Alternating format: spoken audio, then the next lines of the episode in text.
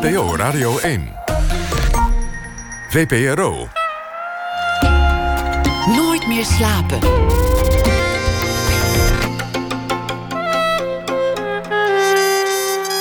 Met Liesbeth Staats. Goedenacht en welkom bij Nooit meer slapen. Straks na half twee hoort u het tweede deel van de podcast Rewind. Iedere aflevering zoomen we in op een cruciale dag uit de geschiedenis van de dance. Dit keer zal het gaan over 100 bussen vol met gabbers onderweg naar Antwerpen. En komend uur zit naast mij, dus tot een uur of half twee, Thijs Reumer. De naam Reumer klinkt al decennia als het over toneel, tv, film en theater gaat. Grote kans dat u familie van Thijs heeft zien spelen of producties van hun hand hebt gezien.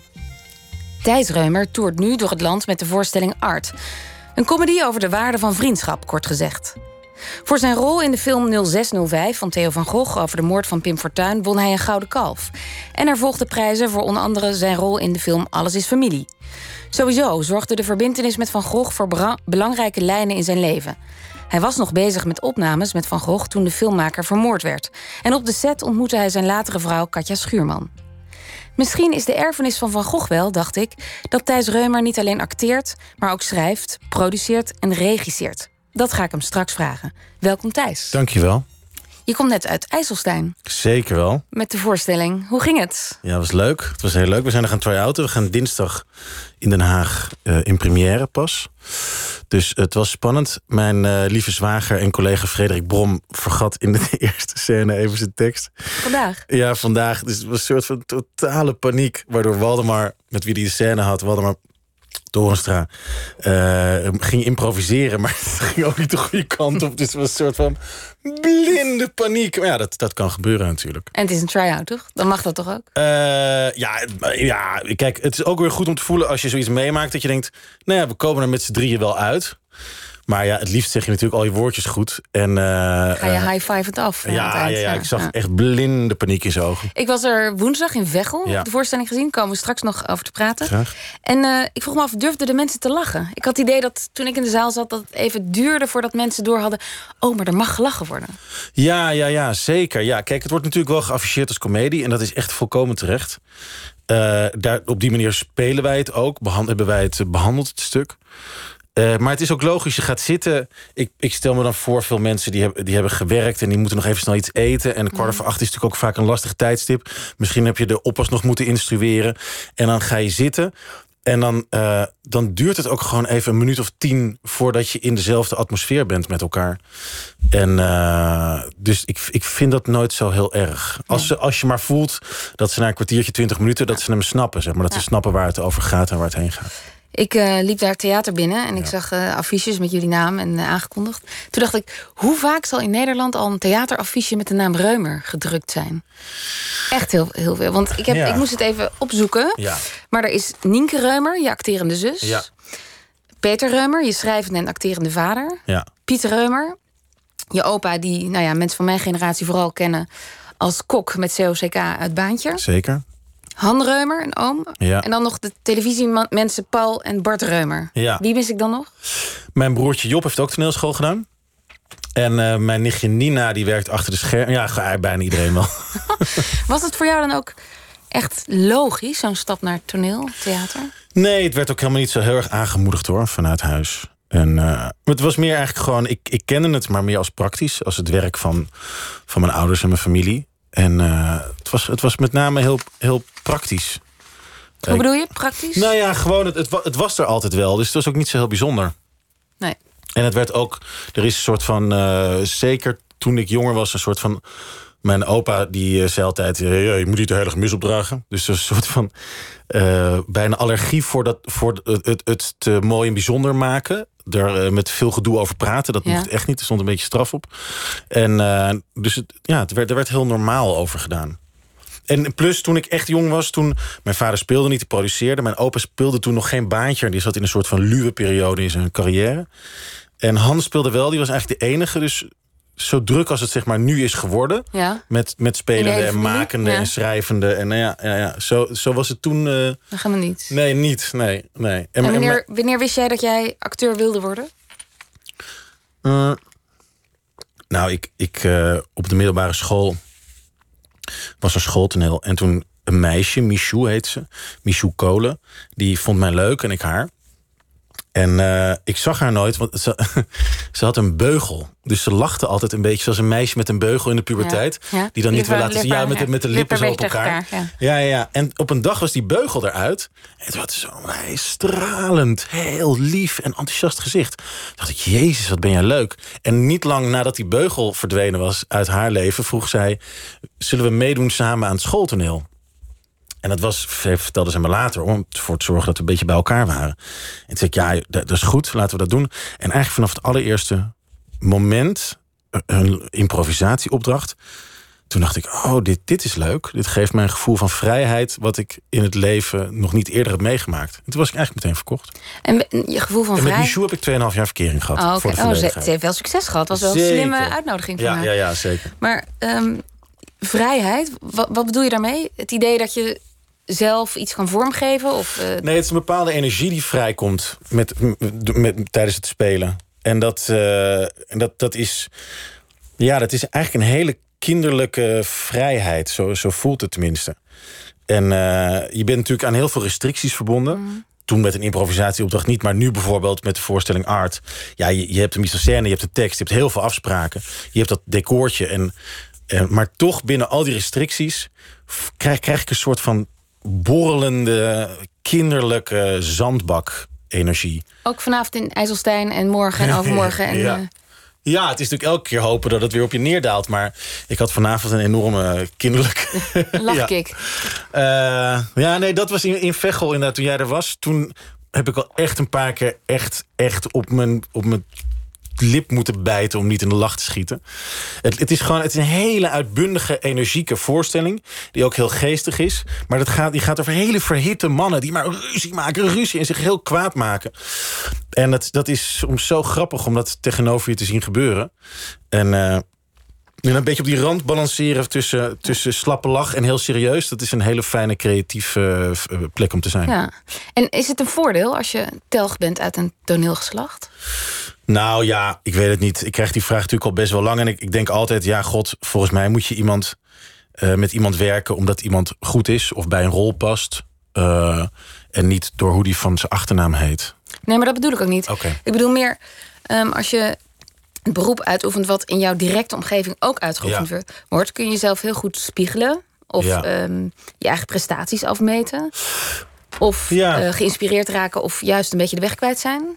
Ja, nou, ik denk wel, en dat is eigenlijk pas sinds, sinds uh, misschien het afgelopen jaar... dat ik... Uh, ik ben nu 40. Ja, ga je toch de rekening opmaken? nee, maar ik, ik had het wel een moment dat ik dacht... oh ja, ik heb altijd gezegd... ja, god, dat is mijn familie. Ik ben eigenlijk louter trots op iedereen. Ja. En uh, dat heeft niet zoveel te maken met dat ze toneel spelen. Dat had ook iets anders kunnen zijn. Maar dat ik toch dacht... oh ja, het heeft best wel eigenlijk mijn manier van naar het vak kijken wel bepaald. En zeker, uh, kijk, mijn opa heeft de lat best hoog gelegd. En uh, ik denk dat het voor zijn, voor zijn kinderen lastiger was nog meer om tegenaan te vechten en te schoppen dan voor zijn kleinkinderen. Ik had een hele goede, hele open, vrolijke relatie met hem. Maar ja, toch, het is wel die knakker, weet je wel. Iedereen kent hem en hij is door zijn hele carrière heel succesvol geweest. En die, die legt toch de lat daar ergens. Ja. En eigenlijk had ik pas het afgelopen jaar dat ik dacht...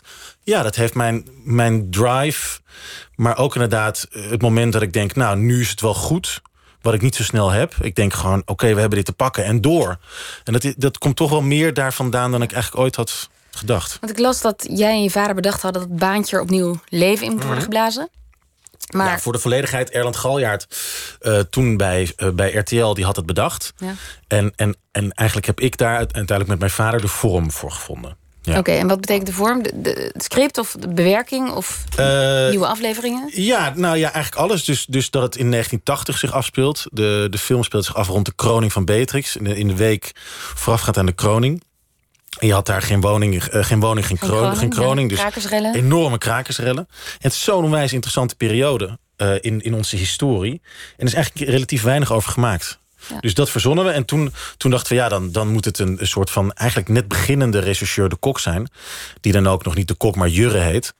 En, die, eh, en dan, dan heeft hij natuurlijk niet een, een jongere leerling, want hij is zelf eh, zeg maar halverwege 30.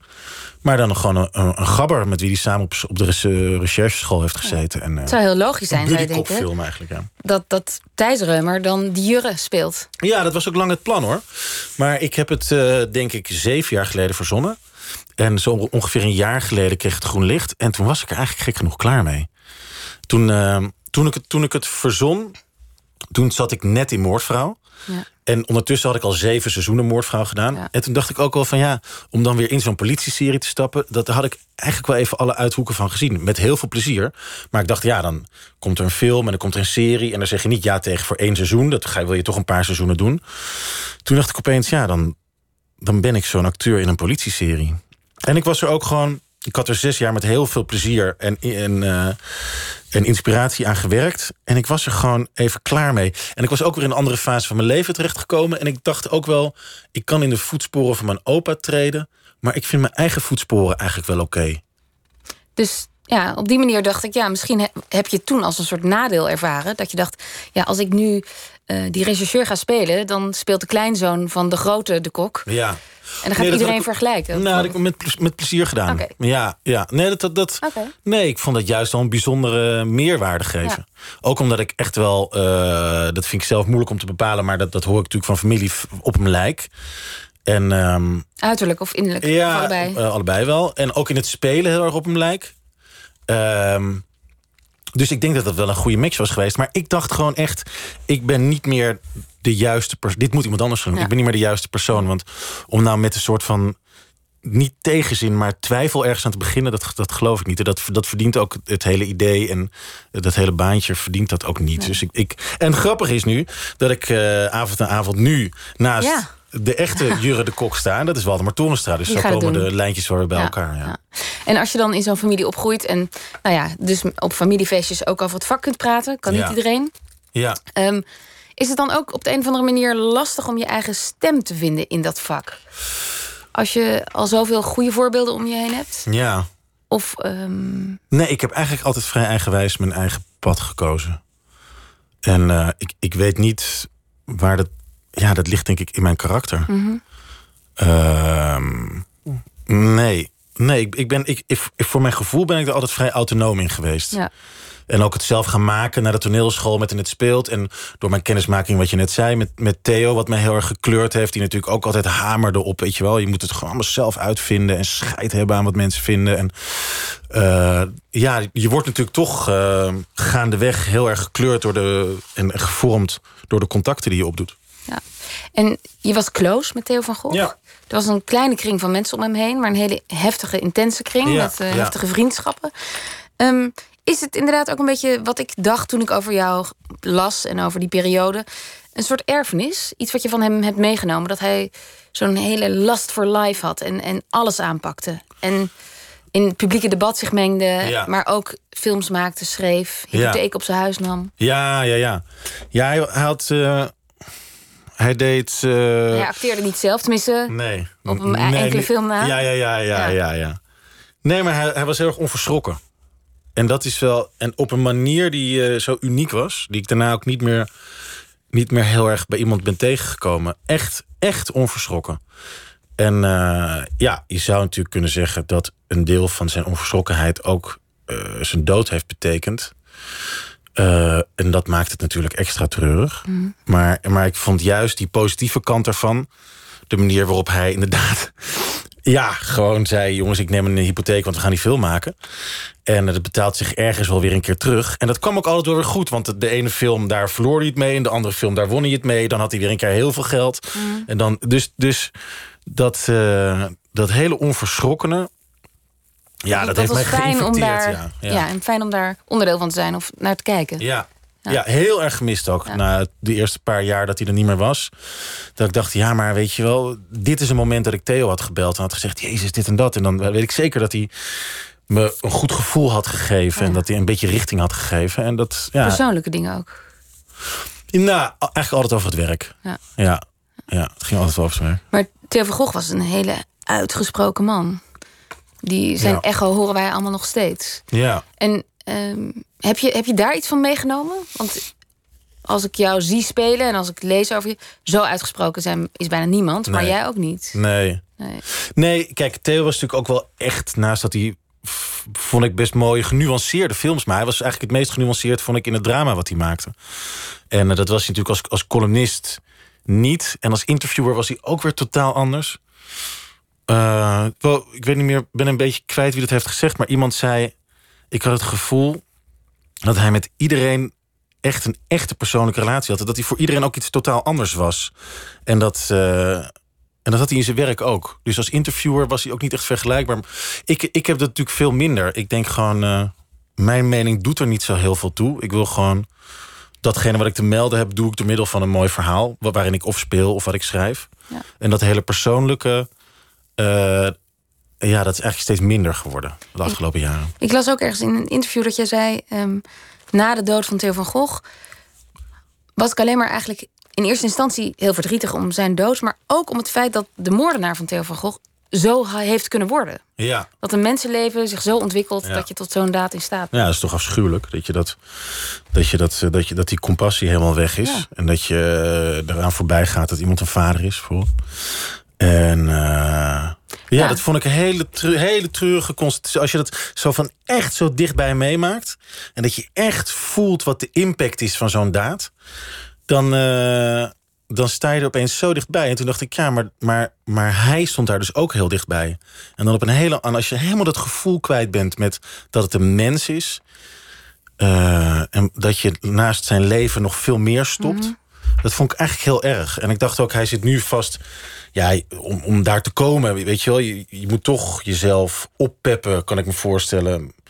En op die fiets stappen. Ja, geholpen ook ja. door, door de religie. Maar ik dacht, er moet een moment komen dat hij op een gegeven moment in zo'n cel zit en dat hij denkt: holy shit, heb ik dat gedaan? Ja. Dat, dat, dat vind ik echt, echt betreurenswaardig. Maar als ik had gelezen... sinds Theo van Gogh dood is, ben ik boos... had ik dat ook begrepen. Ja, maar tuurlijk, tuurlijk. En dat, en dat, dat is ook een heel eh, logische afslag die je kan nemen. Alleen ik heb er eigenlijk echt bewust voor gekozen om het niet te doen. Omdat ik, het, eh, omdat ik ook met al die boosheid eigenlijk niet wil zitten. En je kan er niks mee veranderen. hè, Want hij was eh morsdood. En dan vind ik de, de, de zachte kant... dat geeft mij dan nog meer. Ja, maar bijvoorbeeld Theodor Holman, zijn ook een van zijn Mhm. beste vrienden, die heeft echt het publieke debat gekozen. En die heeft eh, dit aangegeven, of aangegeven, dit overkwam hem natuurlijk ook. Maar er was voor hem reden om eh, zich heel erg te mengen in dat debat en een hele strakke lijn te kiezen. Ja, maar ja, hij is natuurlijk, hij is gewoon eh, in het diepst van zijn wezen columnist. Dus dat is, dat is het, het, het instrument wat hij heeft om, om, om zijn stem te laten horen. En dat, is- dat is natuurlijk een hele directe, hele persoonlijke Ja. vorm. Ja. En ik ben daarin toch eigenlijk eh, meer acteur. En dat is, dat is indirecter, dat is met een masker van een ander. Ja. Waarin, het persoonlijke, waarin het wel persoonlijk wordt, maar het niet gaat om de persoonlijkheid. En toen moesten jullie nog een film afmaken. Nou nee, hij was wel afgedraaid. Alleen, eh, dus dat is 0605. We waren wel klaar met filmen. Over eh, Pim Fortuyn. Ja, over de moord op Pim Fortuyn, ja. Ja. Hij, moest, eh, hij, moest, eh, hij was ook wel afgemonteerd. Hij moest nog een beetje afgewerkt worden. Zo, in de laatste, allerlaatste fase van die film. En eh, ja, ja, toen was hij hem niet meer. Nee.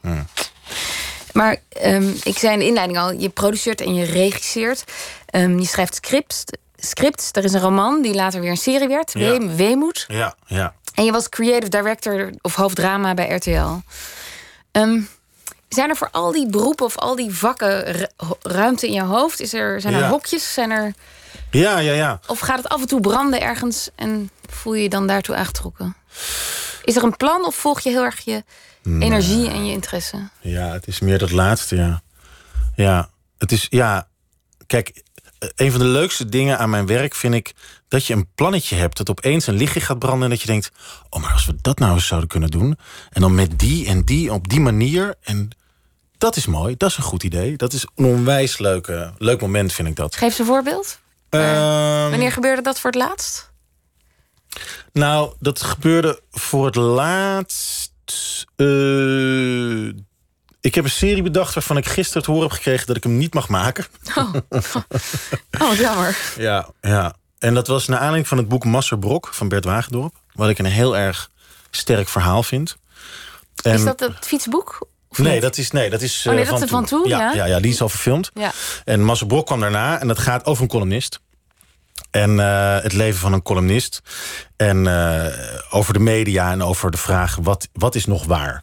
Onwijs interessante Ja, vraag in dit ja. En heel actueel. Maar we hadden, dat, we hadden dat gesitueerd in het Nederland van 2030. Waardoor we eigenlijk de bestaande situatie door hadden gerekend naar 2030. En toen die twee dingen bij elkaar kwamen... dus, het- dus Massa Brok, het boek wat er lag... en het idee om daar een soort van science fiction van te maken... toen dacht ik, oh, dat is fantastisch. En eh, dat, dat vonden velen met mij ook. Maar helaas, bij Videoland zagen, ze, nee. zagen ze het niet zitten. Maar, maar wat gebeurt er dan? Dan klep je, je, klap je je laptop open, dan ga je tikken, ga je synopsis schrijven. Ja, dus mensen bij elkaar halen Ja. ook om, om eerst te checken van dit klopt toch? Dat is toch een leuk idee? Ja, oké, nou, wat zullen we gaan doen? Weet je, hoe zullen we het gaan indelen? En dan, en dan inderdaad maar gewoon typen, ja, werken en dan het plan uitwerken. En zie je dan beelden? Of zie je al hele duidelijke verhaallijnen en Ja, dialogen? nou ja, je hebt bijvoorbeeld Mokko Mafia, dat is dan de, de laatste serie die ik gemaakt heb. Die, eh, daar, Wel je hebt- Videoland. Ja, een ook Videoland. hitserie is dat. Ja, een knaller van een hit, wat echt te gek is. Eh, genomineerd voor de scenarioprijs hoorden wij ook gisteren. Dus het was gisteren een dag van vele uitersten. Maar eh, eh, je, hebt het, je hebt het boek en natuurlijk... en bij Mokko Mafia heb je ook nog eens de actuele gebeurtenissen. En eh, dus daar is heel veel materiaal waar je uit kan putten. En, eh, en met Massa Brok hadden we ook het boek. Maar het doorrekenen naar 2030 was ontzettend leuk om te doen. Er is ook heel veel over geschreven. Over wat men denkt dat er over een jaar of twaalf de situatie is. En dus dat, daar werd ik toen ontzettend enthousiast van. En gisteren heel erg verdrietig dat dat dan...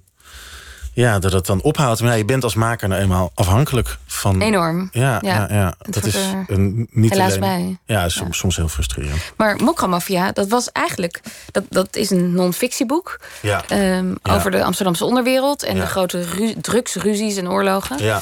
Ehm, kun je vertellen hoe, hoe dat in jouw handen kwam... en hoe je dacht, ja, daar, daar ga ik een serie van maken? Want het was bijna aan je neus voorbij gegaan. Ja, nou ja, eh, Ali B en consorten die hadden al die hadden de rechten daarvoor. En het is zo gewoon toen niet gelukt om die serie te verkopen. Om welke reden weet ik niet. Maar dus die, die rechten waren net weer vrijgekomen. En Ahmed Akabi, met wie ik in Moordvrouw zat, speelde... die was het boek aan het lezen. En toen zei ik, oh, wat is dat? Vertel er eens over. Nou, vertelde hij over. Toen hadden we een paar keer over gehad. En toen zei ik van, ja, maar eh, we kunnen toch kijken of we die rechten kunnen krijgen. Nou, dat zijn we toen gaan doen. En, dat, en toen hadden we een goed idee erbij bedacht. Dus die schrijvers die, die waren eerst een beetje huiverig... want die hadden het natuurlijk al weggegeven en dat was toen niet gelukt. Ja, Wouter Lamans en Ja, wie is de ander? ja precies. Nou, daar kom ik zo Komen we zo op. Ja. we zoeken het op. Ja, ja, ja. ja. Eh, en, en toen dacht ik, want het, het is, hoe moet je dat, hoe moet je dat ongelofelijke verhaal vertellen? Het is denk ik heel duister en zwart en hard en cynisch. En een wereld waar je niet per se heel lang in wil zitten. En toen dacht ik, ja, dat moet het een beetje een raamvertelling worden van een journalist. Uiteindelijk gespeeld, mooi, heel mooi gespeeld door Daan Schuurmans. En eh, waardoor je af en toe dat verhaal induikt, die wereld induikt. En dan kan je er ook vol in, maar je kan er ook af en toe weer even uit. Ja. En dan gewoon naar mensen kijken waarvan je kan denken... ja, dat, die zijn een beetje zoals ik, die hebben het goede voor met de wereld. En, eh, en dat vonden ze een heel goed idee. En toen, ja, toen, en toen zei eh, RTL wel ja. En de, de pijn is nog vers, zoals je begrijpt. Maar het, ik, vond het, ik vind het ook een dappere keuze van RTL. Want het is, het is op Videoland, weliswaar. Ja. Maar het is niet een typische, gezellige primetime Nee, RTL. totaal niet. Ik dacht Zaterdagavond zie je. Ja, nee, we hadden de eerste aflevering geschreven. En ik dacht ook echt... Nou ja, dit... Ja, want we hadden echt geschreven wat wij te gek vonden. En Het is wordt, rauw, het is hard, het is eh, in your face. ja, er wordt een vrouw geliquideerd aan het einde van aflevering 1. Die is hoogzwanger en die wordt eerst door de hoofd geschoten. En dan loopt hij weg. En dan denkt hij, hé, hey, er, leeft nog, er leeft nog iets. En dan schiet hij ook nog twee kogels in de zwangere buik. En dat hadden we, we dachten gewoon, we gaan het allemaal opschrijven. We horen wel ergens. Maar ze zeggen, ja, hartstikke leuk. Maar dit, dit hebben we niet besteld. En toen zeiden ze eigenlijk alleen maar geweldig, ga vooral zo door. En dat is natuurlijk een te gek moment, want toen dachten we... oh, ze willen echt iets wat ze nog nooit eerder besteld hebben. Dat kan je natuurlijk wel zeggen. En dat wordt ook wel vaak gezegd. Maar als puntje bij paaltje komt, is het ook logisch dat je als omroep denkt... ja, maar dit, weet je wel, kunnen zien mensen dit nog wel als een, als een RTL-product of een Videoland-product? En het, eh, het goede is dat, dat juist dat, het feit dat het totaal anders was niet herkenbaar eigenlijk. Ook niet in een, in een rijtje van andere series. Dat, dat is uiteindelijk, denk ik, juist een enorme eh, aantrekkende kracht Ja, geweest. En het is eh, fictie. Mhm. Het is niet, zeker niet één op één het boek. Nee. Heb je je fantasie de vrije loop gelaten? Of hebben jullie research nog gedaan in het milieu? Ahmed heeft heel veel geresearched. Daar, eh, hij, dat voortraject heeft hij gedaan. En toen zijn we samen de afleveringen gaan schrijven. En er zijn later nog schrijvers bijgekomen voor de dialogen. Maar ehm, ja, dus, dus we hebben bestaande karakters wat omgevormd, bestaande gebeurtenissen gebruikt, maar in een andere volgorde wij spreken. Dus het is wel geënt op de werkelijkheid, maar het gaat niet echt over die mensen natuurlijk. Die wereld, kan me voorstellen, staat, de, de onderwereld staat ver van je af. Heel Ik ver. ken je niet goed, maar ik neem Ja. aan Heel eh, ver. dat Ja. je, de- je komt daar in ieder geval niet vandaan. En Nee. is dat dan ook de aantrekkingskracht? Nee, ik, ik vond het, ik vond het eh, de treurigheid ervan heel aantrekkelijk. Dus aflevering 2. Is dat dramatisch aantrekkelijk? Ja, dat vind ik, ja. ja dus dus eh, je, je, bent, je bent 19 en eh, je loopt een beetje op straat. En dan, dan kom je in die scene terecht. En binnen de kortste keer heb je heel veel geld en een mooi Prada-tasje. En dan, en dan ben je 22 en dan word je door je hoofd geschoten. Het is zo niet, niet rooskleurig. Ja. En ehm, dat, vond ik er, dat vond ik er echt heel tragisch aan. En, en, en dus niet alleen die jongen eindigt, maar hele families eindigen daarmee natuurlijk. Weet je wel, die heeft een vader en een moeder en heeft broers. En is natuurlijk verschrikkelijk. En, en Wouter vertelde tijdens een van de besprekingen, dus een van de schrijvers van het boek, die vertelde, die zei: eh, ja, je, je moet het zien als een, als een cyclus. Marijn Schrijver. Marijn, Marijn Schrijver, ja precies. Sorry Marijn, Dankjewel. sorry. Eh, Wouter zei, eh, kijk, die, stel je voor, die vader is in de jaren tachtig voor Hoogovens, weet dan ook als, als gastarbeider, wat natuurlijk afschuwelijk woord is, als gastarbeider naar Nederland gekomen, in de hoop dat hij uiteindelijk zijn gezin een, een rooskleurig leven kon geven. Dus uiteindelijk, op een gegeven moment is die vrouw, is een vrouw ook gekomen. Ze hebben daar toch een beetje in het beloofd land kinderen gekregen. En uiteindelijk, eh, twintig jaar later, als de zoon eh, ligt dood te bloeden op een stoeptegel in Amsterdam, brengt hij hem vervolgens weer terug naar Marokko om daar te begraven. Dat is natuurlijk, dat is echt verdriet op verdriet op verdriet. Een soort zwarte cirkel Ja. die dan rond Ja. is. Ja. En die ontstaan is, die ontsproten is vanuit een heel rooskleurig ideaal eigenlijk. En, en dat, dat, dat maakt het eh, zo. Ja, dat zorgt er ook voor dat, dat wij op een gegeven moment eh, die wereld hebben willen ehm, romantiseren. Nee, het is rauw en, en, en zo heb je het eh, geschreven en, en Ja. zo is het uitgevoerd en gedraaid. Ja. En was je in de verleiding om zelf een rol te spelen? Ja, had die journalist ook kunnen spelen. Nee, ik dacht, ik dacht die moeten iets ouder zijn dan ik. En, eh, en, hoeveel, eh, hoeveel ouder is Daan Schuurmans dan? nou ja, wel een jaar of vijf, zes of zo, Oh, denk ik. Oh, sorry. Ja. Ja. Nee, ja, ik heb er het heel even over nagedacht en het ook weer snel verworpen. Want ik dacht, nee, ja, je moet gewoon de beste keuze voor de serie maken. En ik zag gewoon echt een ander type voor me dan, dan ik ben. En, ik, en ik vind dat Daan het heel mooi gespeeld heeft. Dus dat hoeft ook helemaal niet. Nee. Nee. En al die, ehm, die facetten van het regisseren, het, het, het produceren, het schrijven. En zijn dat, zijn dat velden in, in het sportpark, dat is een beetje een kromme metafoor, maar die je allemaal wil bespelen? Of denk je dat er uiteindelijk alles, alle energie naar één tak van sport gaat? Nou ja, kijk, uit- uiteindelijk gaat het erom... ben ik ook begonnen met schrijven... omdat ik dacht, oh, dat is een leuke rol voor mezelf. dus het staat allemaal wel echt in dienst van het spelen. Ik, ik voel mezelf ook wel echt acteur. En dan ben ik een acteur die ook wel schrijft. En een acteur die ook wel produceert. Maar ja, nee, bijvoorbeeld in die nieuwe serie... die ik dus niet mag maken. Kun je er iets over vertellen? dat heb je net gedaan hoor. Masser Brok had ik Ja. natuurlijk wel bedacht. Ja. Ja. ik ga echt Masser Brok spelen. De Maar hoofdrol. het is toch niet eh, helemaal klaar? Nee. De, MP, de Ja, NPO, de waar NPO, we nu we zitten in een gebouw. Ja, Ja. echt. We hebben een fantastische pitch. Die wil ik met alle liefde komen doen. Nou, we hebben nog anderhalf minuut voor het nieuws. Ja, we hebben, oh nee, maar ja, we hebben echt zo'n goed team, jongen, het klaarstaan. Het is echt fantastisch. Dus eh, ik beloof bij deze, en lieve NPO, wij komen binnenkort langs. En dan komen we het verhaal hier een keer vertellen. Misschien zien zij er wel brood in. Nou, we laten zo even een briefje achter. Ja, En dan, heel graag. eh, ja. ja, nou ja. Maar de, eh, ehm, je zei ja, als, als ik. Ik ben acteur en ik ben, als ik schrijf ben ik een schrijvende acteur. En als ik Ja, dus produceer ben ik een producerende acteur. Ja, dus, dus, dus het Je acteren... bent gewoon acte- acteur. Ja, het acteren is ontstaan vanuit een soort van innerlijke behoefte. En eigenlijk alles wat erbij is gekomen... meer vanuit een soort van noodzaak van... oh ja, shit, maar iemand moet dat schrijven. Dan moet ik wel eerlijk zeggen dat het, dat het schrijven... echt wel veel meer een onderdeel van mijn, van mijn werk is geworden. Van mijn beroep. Dat, dat voel, voel ik ook wel zo. Maar eh, gewoon omdat ik het in de afgelopen jaren veel heb gedaan. Mhm. En omdat het heel fijn is. Het spelen is heel sociaal. Je bent telkens bezig om je te verplaatsen in... wat wil een schrijver, wat wil de regisseur... wat wil die rol, wat wil mijn tegenspeler. En het, en het, en het, ja, het schrijven is gewoon achter je eigen computertje in je hoofd. Ja. Dus dat, dat is heel lekker. Een hele lekkere eh, tegenhanger. Het klonk wel ideaal. Want dat, dat je Ja. een roman schrijft. Ehm, dat wordt vervolgens een serie waarin je zelf ook nog de hoofdrol speelt. Ja, dus mag is- je eigen karakter spelen. Ja, ja, ja. Dat, is, dat is ook pure luxe. We gaan naar het eh, nieuws luisteren. Want straks na het nieuws praat ik verder met Thijs Reumer. En dan hoort u ook onze podcast Rewind over de geschiedenis van de dance. Dat en meer straks na het nieuws van 1 uur.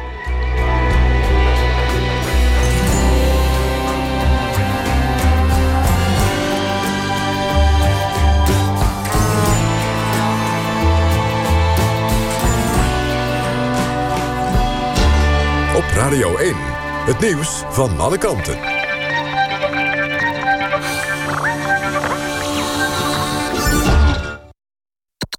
NPO Radio. 1 uur, Jurjen Boekraat met het NOS Journaal. Dagblad De Limburger ontkent dat een journalist stiekem een besloten raadsvergadering in Kerkrade heeft afgeluisterd. De krant meldde donderdag dat burgemeester Kreewinkel van Heerlen had gesolliciteerd op dezelfde functie in het aangrenzende Kerkrade. Dat was opmerkelijk omdat Kreewinkel al een jaar thui- ziek thuis zit. Nadat zijn sollicitatie was uitgelekt, besloot hij af te treden. Volgens de gemeente Kerkrade is op beveiligingsbeelden te zien dat de journalist zich verstopt achter een pilaar om de raadzaal te kunnen afluisteren. De hoofdredactie van de krant spreekt dat verhaal met kracht tegen. De gemeente Kerkrade heeft aangifte gedaan tegen de krant vanwege het lek. Pensioenfonds ABP vordert 3 miljoen euro aan pensioengeld terug dat na een fout ten onrechte is uitgekeerd. De maatregel treft ongeveer 700 mensen.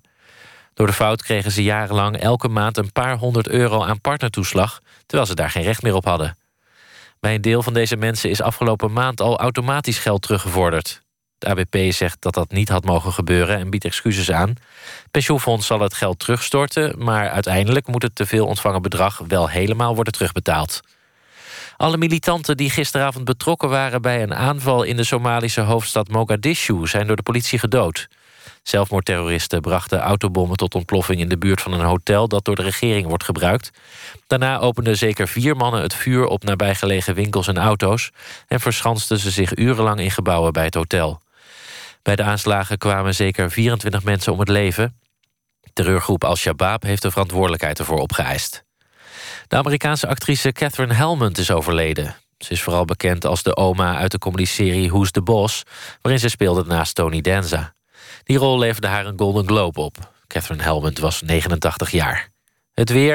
Het is overwegend bewolkt. Vannacht koelt het af tot een graad of drie. Morgen veel bewolking en vooral in de middag kan er wat regen vallen. Dan wordt het een graad of 11. Dit was het NOS Journaal. NPO Radio 1. VPRO. Nooit meer slapen.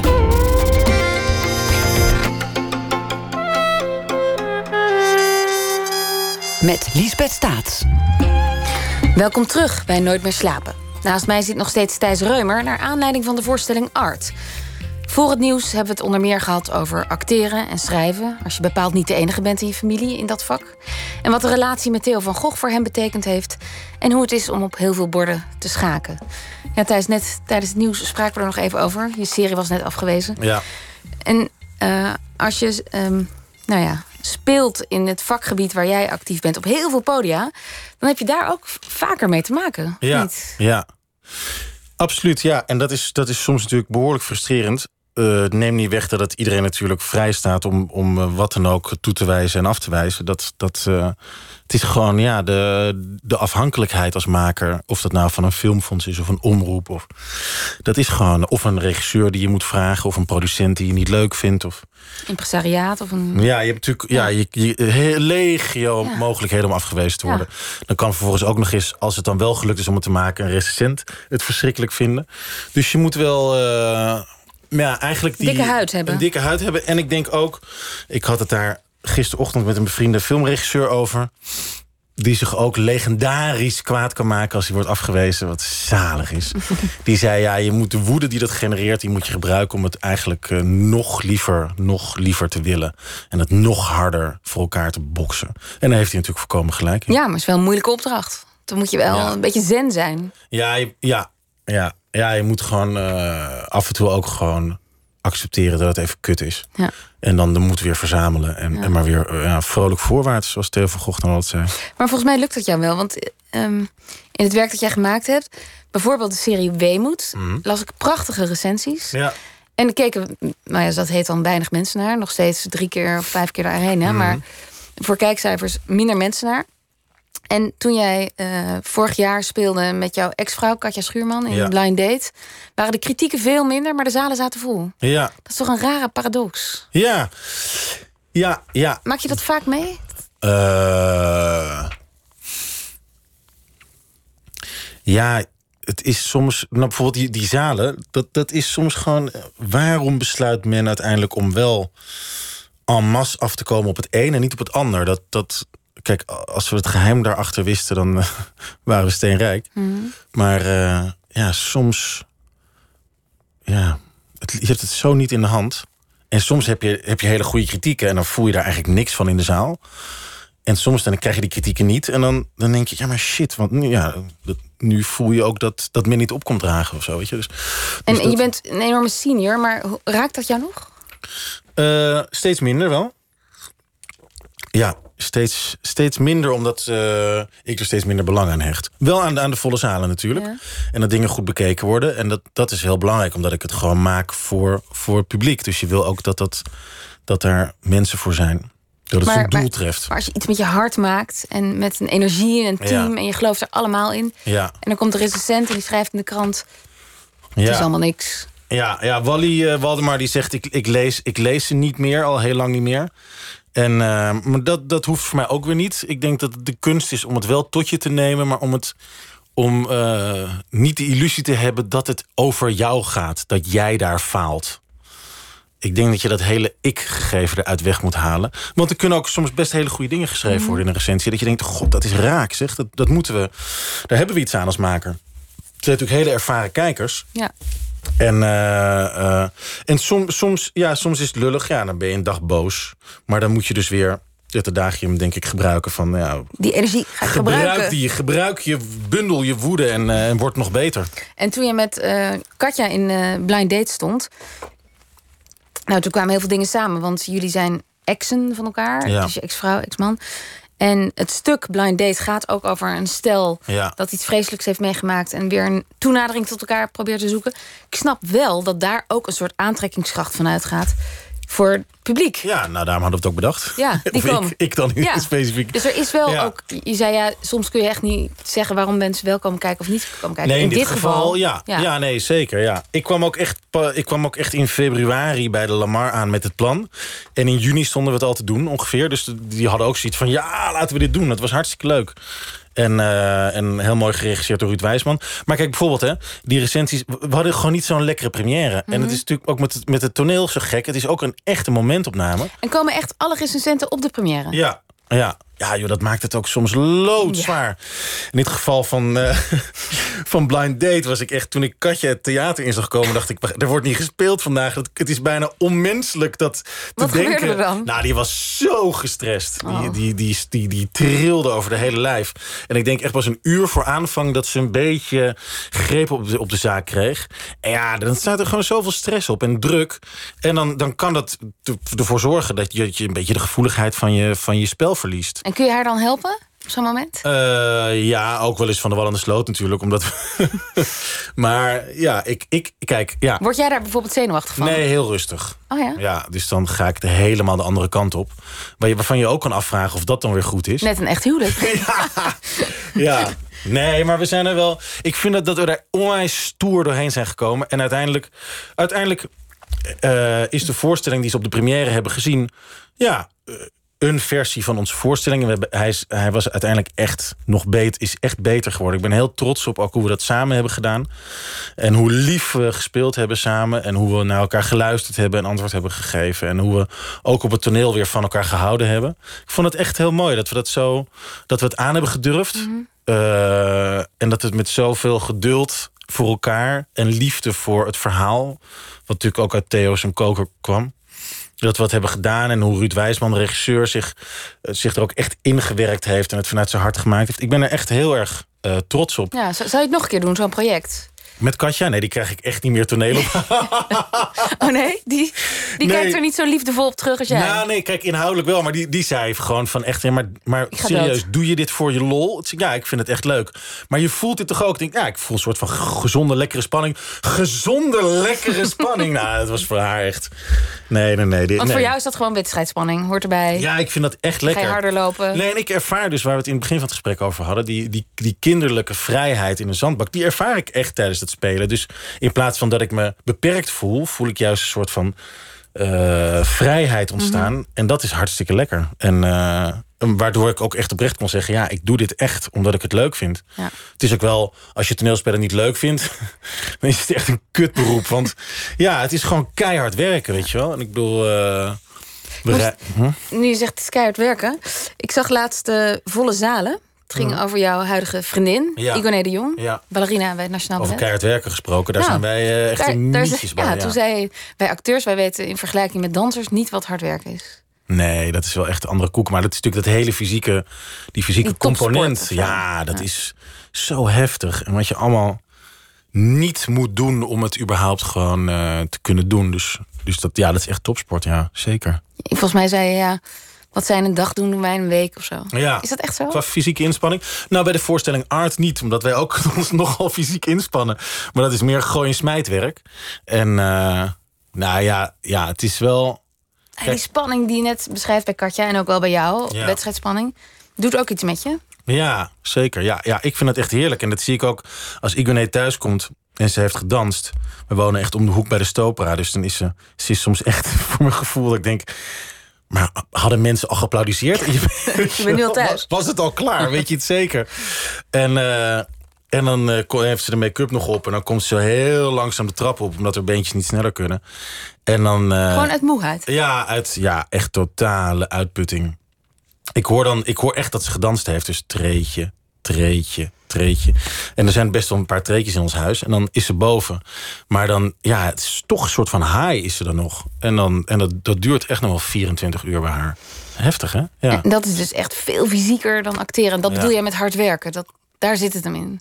Ja, ja, dat, dat, ja, ja, ja. Ja, wij moeten natuurlijk ook echt hard werken, maar veel in ons hoofd.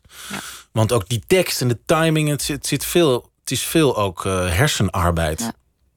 Ik, in die, in die eh, aflevering van Volle Zalen is er een première van Ja. haar laatste duet met Marijn La Rademaker. Dame ook Camelia. Ja. En ik zag jou eh, weer over de rode, lo- rode loper. Mhm. En jouw, een groot deel van jouw werk in het leven speelt zich af in de spotlights.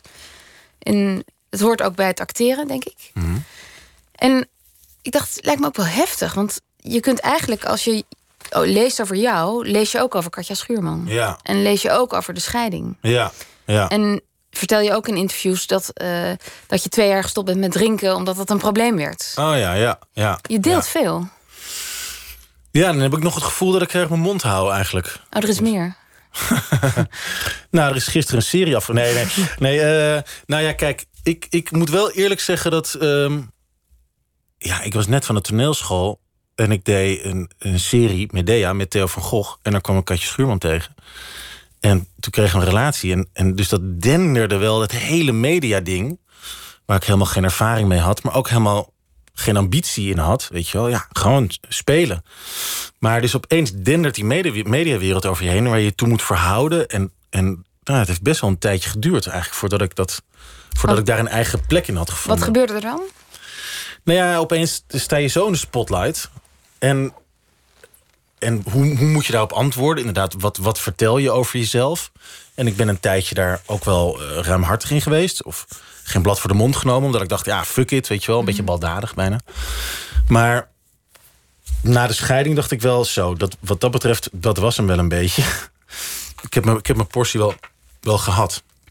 En, maar eh, ik volg jullie op Instagram. Of, ja, en, Ja. ehm, maar jullie nahuwelijk met Katja dan. Ja. En hoe fijn jullie nog met elkaar omgaan. Dat, dat lees ik terug. En dat jullie posten ook over de Modern Family. Dat het goed gaat Ja, met doet, jullie. Doet, doet Katja, ik niet echt. Oké.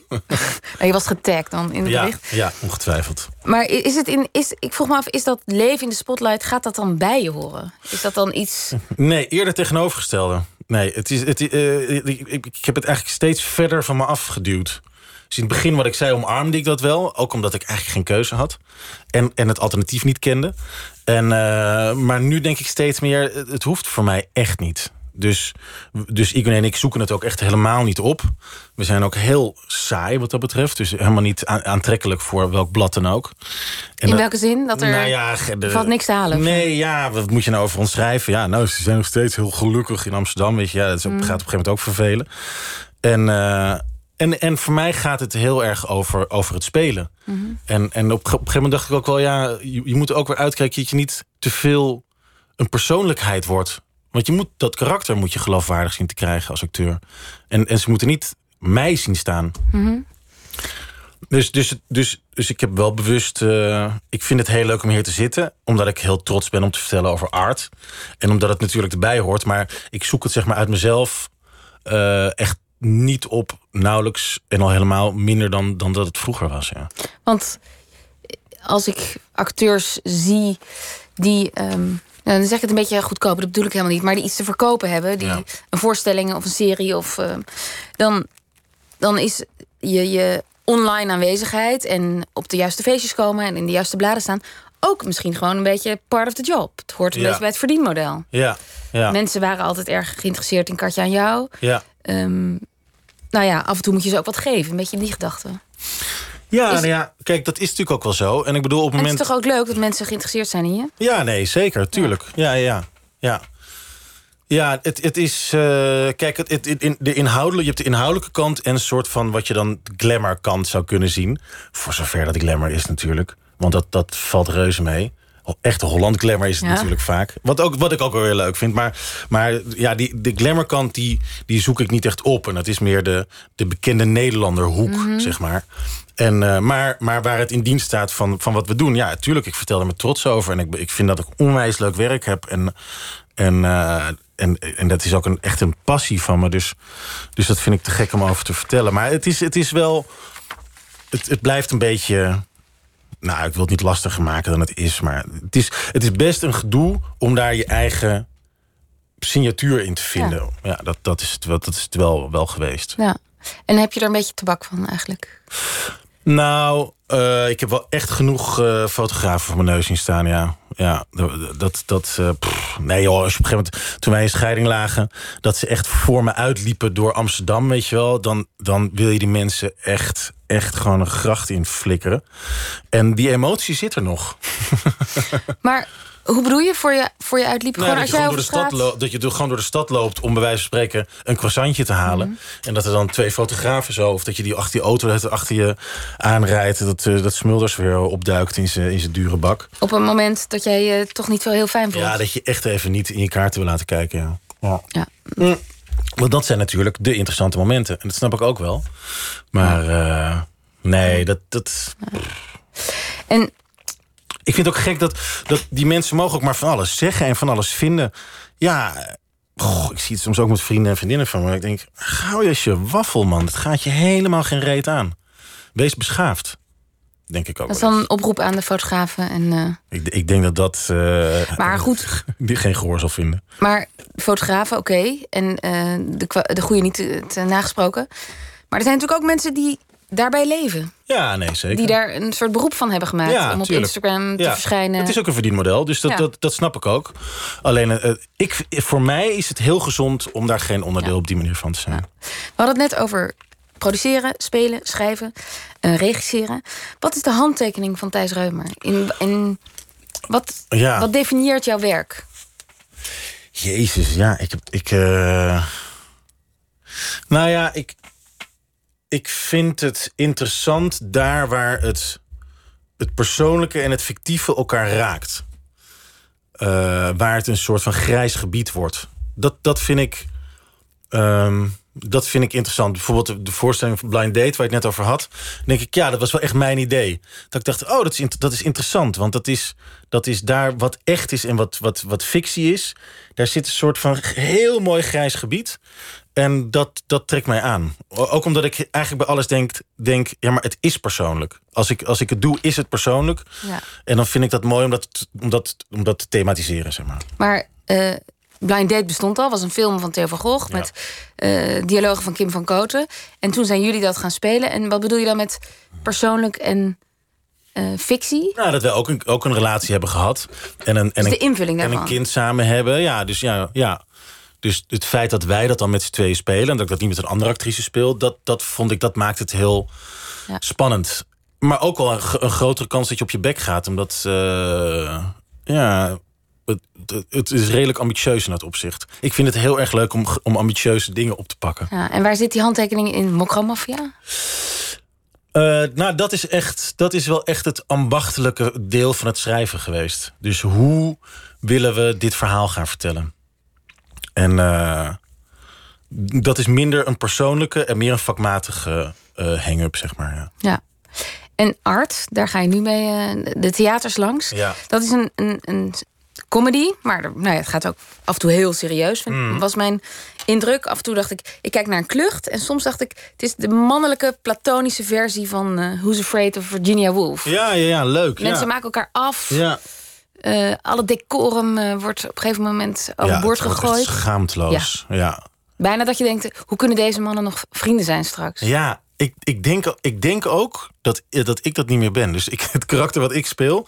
ik dacht op een gegeven moment... hij is degene die tot het laatste moment zegt... ja, maar jongens, wat een onzin... We zijn toch vrienden en het gaat nooit kapot? Ja. Maar ik, ik denk dat er bij hem echt iets, iets is geknakt uiteindelijk. Want, dat moeten we even uitleggen. Het zijn drie vrienden die komen ja. bij elkaar... en je voelt meteen, nou, die kennen elkaar al heel lang als irritante pubers al. Ja. Inmiddels zijn er huwelijken en carrières overheen gegaan. Hele levens overheen gedenderd. En een van hen heeft een schilderij gekocht en laat dat vol trots zien. Ja, Waldemar uh, speelt Serge. Hij koopt een schilderij voor 120.000 euro. En het Wat? is wit. Ja. euro? Ja, dus wit. En Mark, gespeeld door Frederik, mijn zwager, die uh, in het echt, die, uh, die, die, die is zo van slag daarvan. En, uh, ja, die vindt het bijna een soort immoreel. Ja. Dat, je, ja. dat je zo voor zoveel geld een wit doek koopt. Ja, en uiteindelijk kom je erachter, dus, dus dat, er komt een enorme clash over dat schilderij. Maar je komt er natuurlijk achter dat het niet met het schilderij te maken heeft. Maar dat ze die vriendschap gewoon te lang uh, hebben laten sudderen. En dat ze elkaar niet meer zien voor wie ze zijn, maar ja. wie ze waren. Ja. En, en die rollen passen niet meer. Met name bij Serge en Mark niet. En ik speel Ivan en ik sta ertussen. En ik, ik probeer het gewoon eigenlijk gewoon... Ik wil gewoon dat het goed is. Jongens, doe nou gezellig. Nou, gezellig, hebben we toch nog een leuke avond.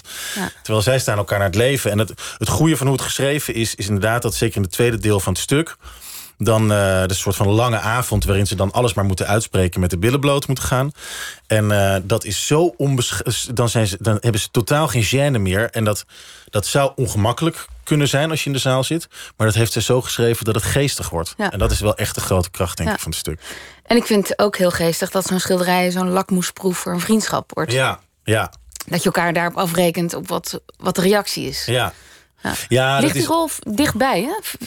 Die rol van Iwan? nee, niet echt. Nee, nee, nee. Nou, maar, ik, zou, nou ja, ik, zou ken je nu bijna een uur, maar Ja. ik heb niet de indruk dat jij heel erg het conflict zoekt of heel erg altijd het scherpst van de snede. Nou, ik zou, ik zou eerder wel echt een Mark of Serge zijn, hoor, denk ik. In het echte leven. Ja, ik, ik weet niet. Nee, zo ertussen gaan... Nee, ik, ik laat toch dan liever een bommetje ontploffen... Dan, dan, dat, we, dan, dan dat ik het weer probeer te lijmen, denk ik. Maar, eh, Is het een lekkere rol? maar het is, me- hij is me wel heel dierbaar, ja. ja. Ja, die jongen heeft zoveel paniek. en dat is zo leuk om te spelen. Dat is door onze regisseur Paolo Bangels. Die heeft op een gegeven moment tegen mij gezegd... gewoon dat, dat tweede deel van het stuk... speel alleen maar dat je het niet begrijpt... en dat je in paniek bent. En dat is, dat is zo lief, vind ik dat. dat Ja, hij is heel aandoenlijk. Heel, ja, dat, zo, zo voelt het ook. Ik, ik voel het ook aan de reacties van het publiek. En eh, Ja, je hebt de sympathie, heb je. ja, Ja. het is natuurlijk ook... Ja, waar, waar drie mensen bij elkaar zijn... is het vaak twee tegen één. En dat, en dat mechanisme, dat, dat gebruiken ze ook. Dus op het moment dat de andere twee zo verhit in die ruzie verstrikt zijn... dan ben ik hun way out. Dus als ze dan met z'n tweeën tegen mij kunnen... dan zijn zij even, hebben zij even adempauze. En dat is eigenlijk zo oneerlijk natuurlijk. En, en pijnlijk. En dat vindt Ivan ook zo erg. maar het is, het is echt een lieverd. En dat vind ik er heel erg leuk aan om te spelen.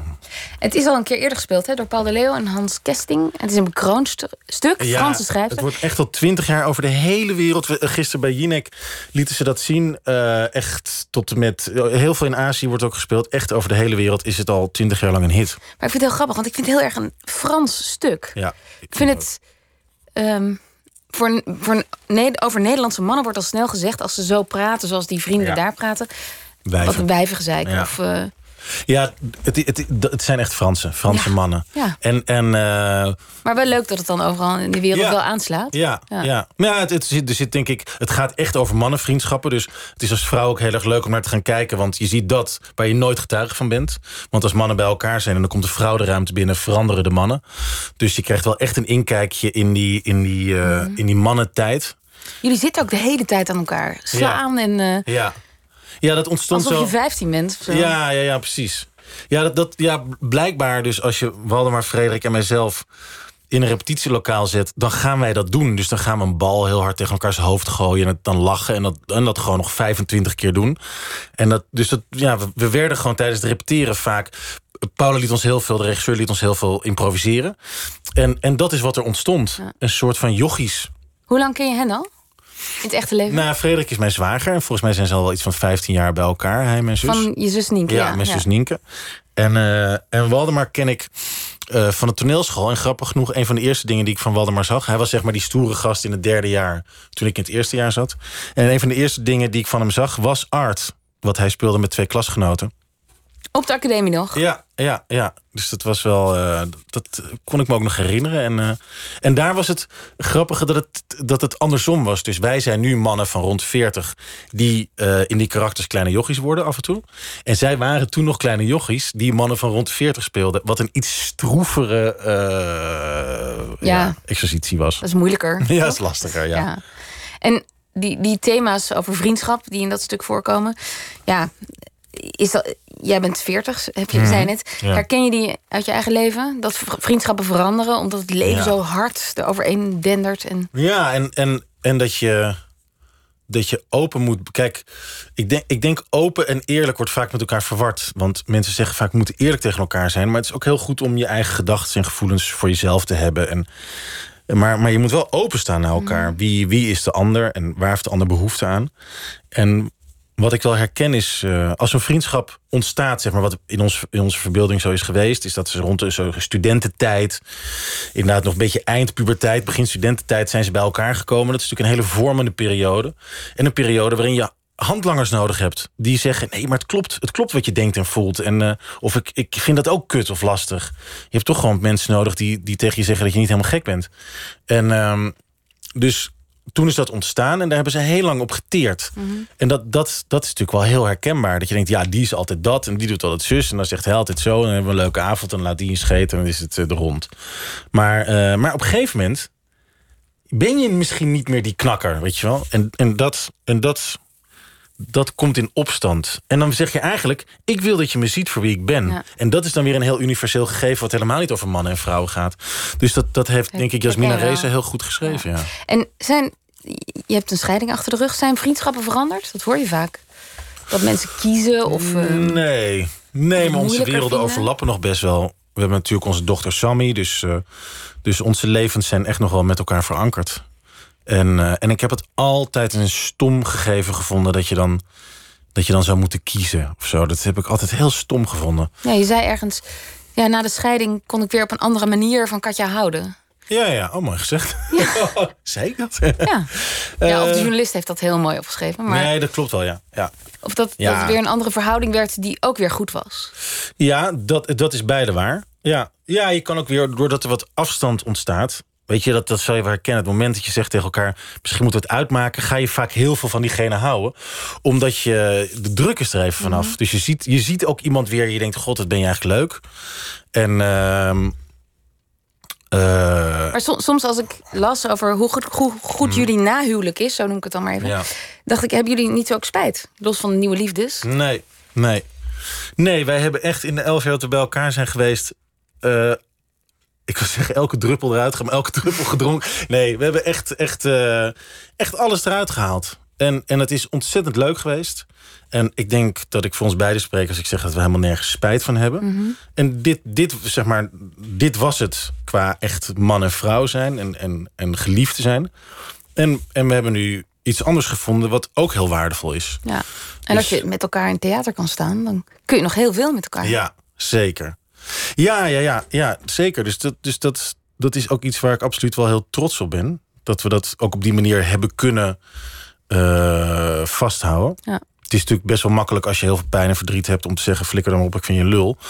Uh, want dan ben je er ook vanaf. Maar je hebt een kind. Ja, nee, precies. Ja. ja. en ook niet alleen voor het kind, maar ook gewoon... Kijk, op het moment dat je dan dat je die relatie weggooit en die persoon weggooit... gooi je ook een deel van je verleden eigenlijk weg. En een deel van een gedeeld verleden. En dat heb, dat heb ik ook altijd vervelend en, en ongemakkelijk gevonden. En ik ben heel blij dat we daar zo... Uh... Jullie dochter heet Sammy? Sammy Reumer. Sammy Reumer. Ja. Staat haar naam als volgende generatie ook op een affiche... in een theater ergens in het land?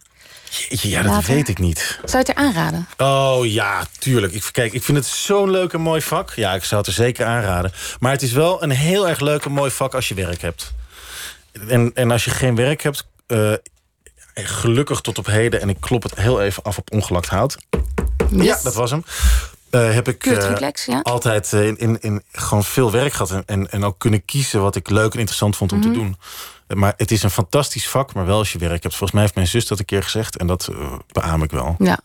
Maar Sammy wordt straks 18, 21. Ja, tuurlijk moet ik wil spelen. Doen. Ja, tuurlijk. Dan moet je lekker spelen. Ja, tuurlijk. Sammy Reumer, die naam uh, gaan we onthouden. Onthoud die naam. Dankjewel voor je verhalen uit het vak. Dankjewel. En uh, je openheid en de voorstelling. Veel succes. Ja, Dinsdag met de première. Yay. Break a leg. Dankjewel, yes. Thijs. Dankjewel. Will Knox is een Britse singer-songwriter die verknocht raakte aan de stad Haarlem. Nu woont hij al een tijdje hier en helpt Nederlanders als Nona en Miss Montreal met liedjes schrijven. Maar zelf maakt hij ook muziek zoals dit nummer, Jerusalem.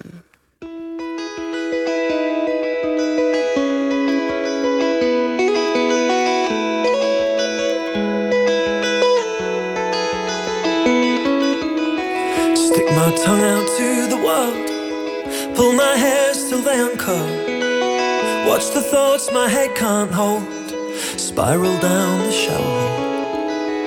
Water only cleans my skin, it can't wash out the state I'm in. Israel and Palestine, the border running through my mind. The left brain is dragging me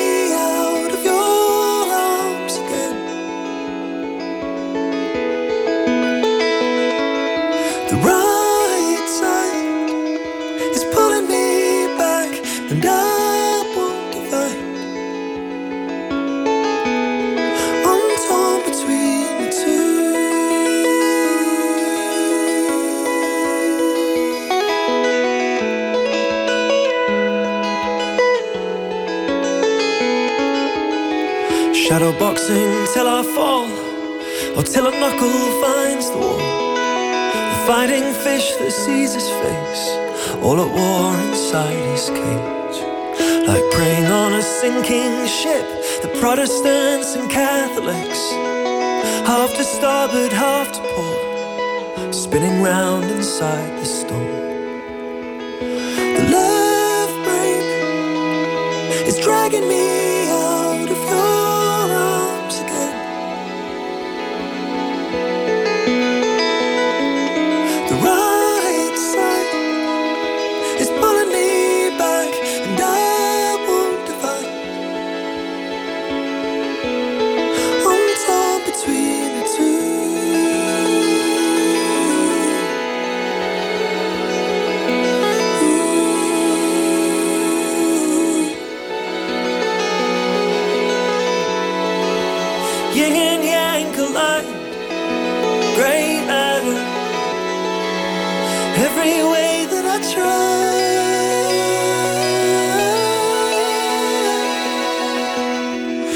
the word that won't translate, the tongue that starts then hesitates, a stutter and a compromise.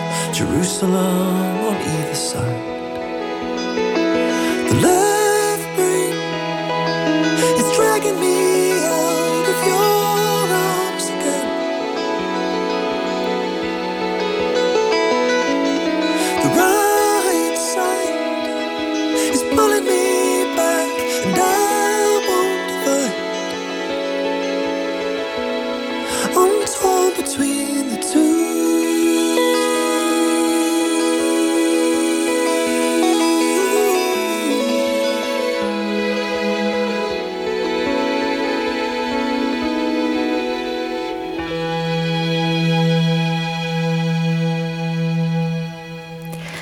Will Knox was dat met Jerusalem.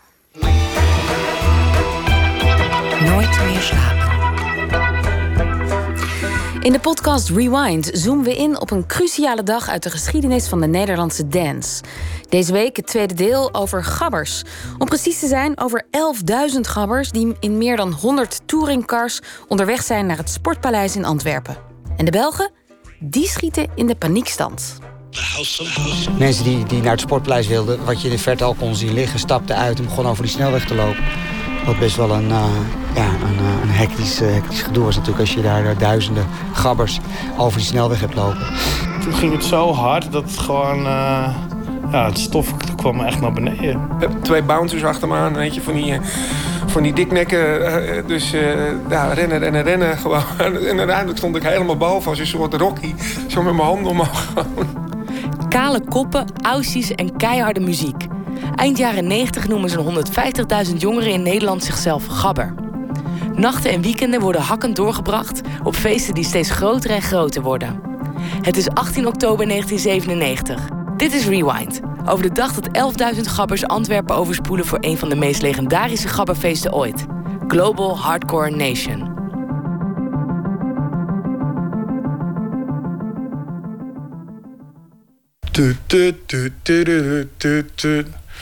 Ja, dat was denk ik wel de plaat toen.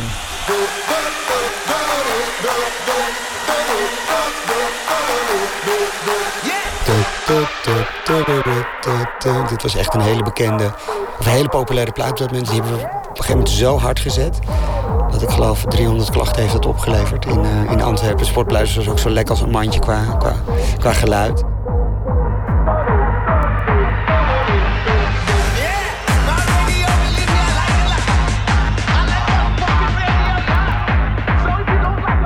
François Maas, die later de grote baas bij Thunderdome zou worden... is de onofficiële gabber-godvader van Zeeuws-Vlaanderen. Uh, ik was die tijd woonachtig in Zeeland, in Terneuzen. En uh, ik deed altijd busreizen naar uh, hardcorefeesten door heel Nederland. Sander Groet is het creatieve brein van IDT. De organisator van grote feesten als Thunderdome en Global Hardcore Nation. We hadden allemaal van die, van die uh, uh, contactpersonen die dan kaarten bij ons afnamen... en dan lokaal dat weer verkochten en een bus eraan koppelden. Ja, ja, ja, ik had altijd een busje van een mannetje of veertig en dan gingen we naar feesten. Ja, toch? En dan nam je gewoon die entreebewijzen af. Zeg ja, ik wil 40 entreebewijzen. En, en dan uh, reis je daarheen, uh, betaal je. Ja, en dan krijg je er zoveel gratis. En daarmee pakte je gewoon je voordeel mee. Ja, dat was ook die tijd toen uh, hardcore was, was, heel erg groot en heel erg uh, populair. En mensen waren bereid om daar veel voor te reizen. En uh, het maakte niet zo heel veel uit of het feest nou op um, je eigen stad was... Of, of 100 of 200 of 300 kilometer verderop. Mensen gingen daarheen. En we hadden ook wel bussen uit Zwitserland... die dan uh, de hele nacht door, doorreden zonder slaap.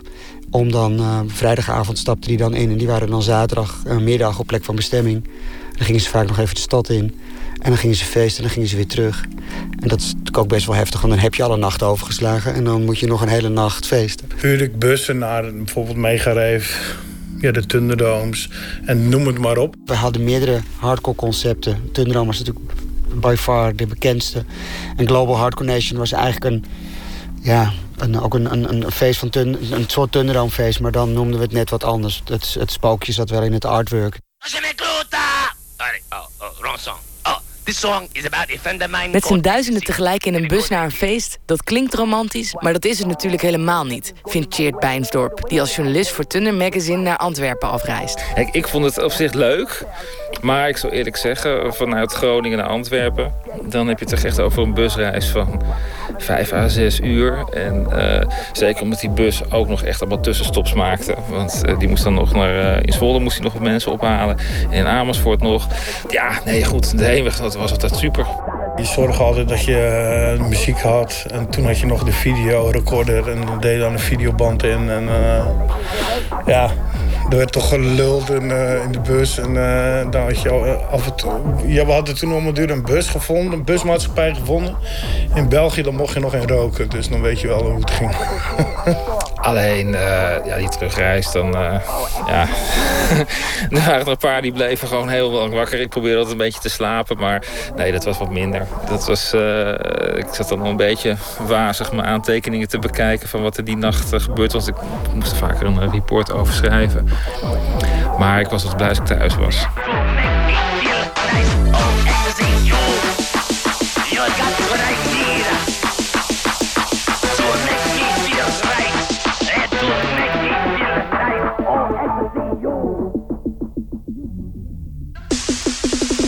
Belgische politie was, was best wel bezig met, met drugs. En uh, hadden ook wel eens gemunt op de Nederlanders. Er kwamen natuurlijk allemaal touringcars uit, uit Nederland. En uh, die werden staande gehouden op de snelweg. Maar dat, dat deden ze bij één, dat deden ze bij twee. Maar in totaal waren het er meer dan honderd. En die kwamen allemaal ongeveer in hetzelfde tijdsbestek aan. Dus je kan je voorstellen dat al die bussen met ja, 50, 60 uh, bezoekers daarin zitten, daar aankomen. En ja, de eerste twee bussen werden aangehouden. Mensen bleven braaf in de bus zitten. Met de bussen die erna kwamen, die mensen stapten allemaal uit. En uh, begonnen over de snelweg te lopen richting het sportpaleis. Maar het was natuurlijk wel heel, heel bijzonder dat die snelweg aan beide kanten op een gegeven moment natuurlijk gestremd was. Want mensen begonnen ook over de boarding te klimmen omdat ze naar het sportpaleis wilden. En de kortste weg is gewoon rechtdoor over de snelweg. Ja, eigenlijk is dat wel heel, heel, heel, heel, heel grappig. De politie lokte dat natuurlijk ook wel een beetje zelf uit. Kijk, ze hadden het duidelijk gemunt op, op de bussen die naar, naar het sportpaleis gingen en uh, werden grondig, grondig gecontroleerd. Ja, dat, dat als je daar niet, niet van op de hoogte bent dat daar meer dan 100 bussen die kant op komen, je staat daar met, met 30 mensen langs de kant. Dat is natuurlijk niet, uh, niet, uh, niet te organiseren. Het, het, was gewoon uh, een gekkenhuis eigenlijk. Een autoparkeerplaats zonder auto's. Uh, met, met de speakers vol open. Met, ja, met, hardcore bussen die gingen. Met partytravel op eigen initiatief. Nou, het leek net of een voetbalwedstrijd was. Er stonden gewoon... Ik denk wel 200 man politie stonden daar gewoon met honden en alles. En ja, om maar ja, een, soort van uh, afschrikwekkend beeld af te geven van, uh, nou ja, weet je, jullie zijn uh, welkom, maar let op, want er wordt op je gelet. Het was een nieuw fenomeen. Ze kenden eigenlijk alleen daar Club X dan, hè, wat over de grens zat in, in België. Daar was wekelijks waren daar wel hardcore feesten. je had nog, nog twee andere clubs die ook in België hardcore draaiden, maar voor de rest was de scene daar niet zo groot. Maar ja, de Rijkswacht die was er natuurlijk helemaal niet gewend. dus die deed uh, om de deur, begonnen ze helemaal panisch te worden. Ja, nee, die bussen moeten weg. En wij zo, ja, die bussen die kunnen nu echt niet weg. Dus wij om de deur daar ruzie schoppen van ja, als je die bus gaat wegsturen, dan heb je hier straks gewoon een heel drama van mensen die een bus zoeken. En ja, wie gaat dat verwoorden naar, naar hun toe? Dus de, uh, daarom het deur, de politie uh, helemaal in de stress. En toen kwam om, om de officier van justitie, die kwam even kijken daar zo. Of de, het hoofd van de Rijkswacht, uh, ik weet niet. En die zei om de deur, ja, laat de bussen maar staan. Is beter voor de veiligheid. En zo mocht alles blijven staan. Maar het was wel een invasie van de Nederlanders. Was, toen was het gewoon zo groot. En iedereen, ja, die, ja, ze hadden gewoon een missie. Kom, we gaan naar Antwerpen. Tunderdam vet. Hakken. Als je de beelden van Global Hardcore Nation ziet... snap je ergens wel dat de Rijkswacht voor al die gabbers in zijn broek scheidt. Een halfvol dansende gabbers en muziek die openlijk over drugsgebruik gaat... en keihard en supersnel is. Maar de gabbers zelf zien alleen maar vrienden. Nou, het, ziet er misschien afschrikwekkend uit. En de muziek is natuurlijk uh, redelijk agressief. Uh, in ieder geval qua, qua, beats per minute. Uh, heel kenmerkend ook. Een, een technoplaatje. Nou ja, weet je, dat vinden jou misschien ook wel leuk. Maar, maar een, een, Six Million Ways to Die. Nou, als je die opzet, dan, nou, dan, dan vluchten ze uit de huiskamer bij van spreken. Dus ja, op een, of andere, op een manier eh, zat er een soort harmonie in. In een soort van uh, eenheid. En dat uit zich natuurlijk ook wel gewoon in, uh, in, in kleding. En, en, en de gabbergloed bijvoorbeeld was ook zo'n zo'n zo'n ding. Hè. Dus eigenlijk, je geeft een hand, je, je pakt je vuist en een, een soort box er tegenaan. En dat is de, dat is de gabbergloed, zeg maar. En iedereen uit die, uit die, uit die scene kende die. En dat, dat zag je ook natuurlijk continu als je, dat, als je op zo'n evenement rondloopt je mensen dat gewoon met elkaar doen. Het waren, gewoon, het waren eigenlijk gewoon jonge, jonge mensen die uit, die uit, wilden. En um, doordat dat er een bepaalde dresscode en een bepaalde uiterlijke kenmerken heel erg domineerden. Ja, was gewoon heel veel jongeren scheren gewoon een kop kaal. Of uh, meisjes namen een paardenstaart. Maar in feite waren het natuurlijk gewoon uh, jij en ik die op maandag gewoon in de, op school zaten. En uh, mensen hadden natuurlijk het idee dat het compleet losgeslagen generatie was. Maar dat was het helemaal niet. Het zag er misschien heftig uit. Ook omdat kaalkop natuurlijk altijd heel snel ge geassocieerd werd met, met neonazies en dat soort dingen. Maar het waren natuurlijk gewoon ja, jongens, jongens meisjes die op zoek waren naar een leuk feest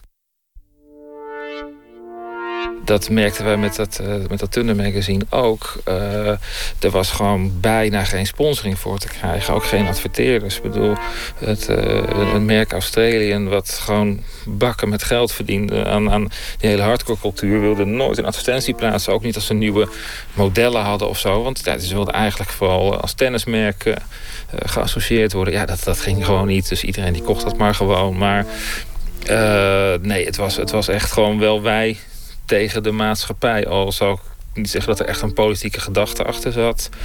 Maar gewoon, ja, weet je, laat ons ons feestje vieren, dat idee. Ja.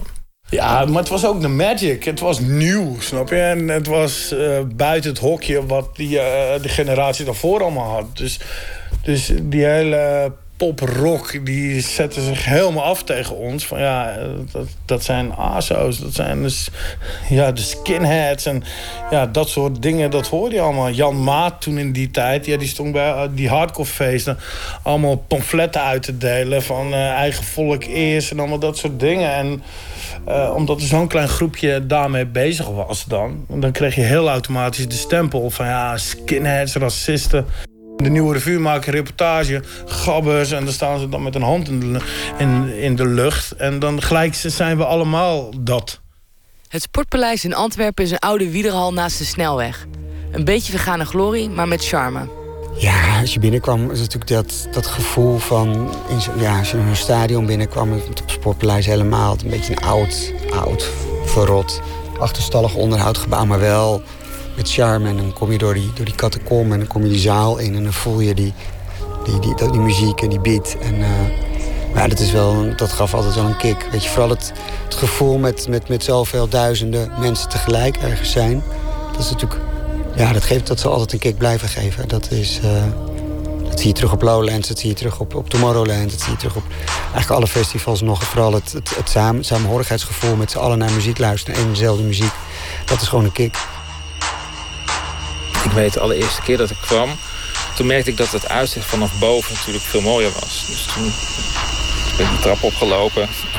keek je zo echt in een gat beneden je. En, en, en was gewoon een grote, grote tempel. Uh, dus met die uh, vrienden ben ik ook gezegd van... we gaan niet eerst samen, we gaan eerst helemaal die trap omhoog. En dan kom je binnen. En dan zie je... Nou ja, het is een beetje zoals... Uh, ja, zoals als je bij, bij Ajax binnenkomt en het stadion zit helemaal vol of zo. Eh, of welk stadion dan ook. Het, het, dat gaf echt een, soort kick. Een sensation was ook nog niet geweest. Dus het was eigenlijk, voor mij was het het eerste grote feest in een stadion. Uh, met, met meerdere verdiepingen. En met een hoogteverschil dat je echt beneden op die vloer keek. En daar gebeurde het. En als je zeg maar daar vanaf die tweede verdieping of derde verdieping daar naar binnen ging. Dan, dan, dan was je het eigenlijk nog even niet je nam nog niet deel aan het feest zelf. Maar je, je keek er nog even naar. Dus uh, van, oké, nou, wauw, weet je wel. Even, even hiervan genieten. En dan nou, neem je een drankje of zo. En dan ga je die dansvloer op. Die dansvloer was op zich ook niet zo heel groot. Hè, vergeleken met een, een jaarbeurs of een uh, uh, VEC Expo in, Leeuwarden. Dat waren echt gewoon grote beursgebouwen, beursgebouwhallen. Dus, dus uh, gewoon één vloer. En dan keek je naar het podium in de verte. Maar ja, daardoor waren die, die tribunes... Ja, dat was ook wel lekker eigenlijk. Als je de hele tijd aan het dansen bent en bezig bent... dat je ook gewoon eens even lekker een uurtje op zo'n tribune kan zitten. En daar heb je dan ook gewoon die gesprekken met onbekende mensen. Nou, wie ben je? Wat doe je? Waar ben je meer geweest? Wie vind je goed? Dat soort dingen. Iedereen is je vriend. En je vertelt inderdaad ook, ook dingen die, uh, ja, die veel verder gaan. Uh, ellende, maar ook leuke dingen relatieproblemen of juist niet. Iemand die verliefd was op een ander en ja, hoe zou het aanpakken? Ja, weet je, gewoon gesprekken die je echt met je vrienden hebt. Maar dan zijn het je vrienden sinds een uurtje of een, of, of, een half uur. Uh, dat soort van verbroedering. Ik denk ook echt dat het... Uh, het ging ook niet alleen om de muziek. Als het alleen de muziek was, dat was niet zo groot geworden. Het is ook echt wel dat soort van sociale aspect wat je met elkaar hebt. En uh, vrienden maken. En ja, heel vaak heb je dan een dag later... zie je wat, uh, wat, wat telefoonnummers van mensen. En je denkt van, wie was dat ook alweer? Of uh, ja, wat moet je mee? Die ga ik toch niet bellen of zo. Maar op dat moment denk je van, nou, weet je, aardige gast. Uh, daar wil ik wel vaker mee naar een feestje toe. Of, oh, wat een leuk meisje, die wil ik nog wel beter leren kennen. Maar ja, weet je, dat, dat, je leeft heel erg in het moment. Iedereen denkt bij grappe DJ's altijd aan drugsgebruik en excessen. Maar op Global Hardcore Nation staat ook een jonge producer op de dansvloer met een rolletje Dextro Energy. Gewapend met een kladblokje hoopt hij van de eerste generatie het kunstje af te kijken. Hij zou later een van de grootste DJ's van de tweede golf hardcore worden.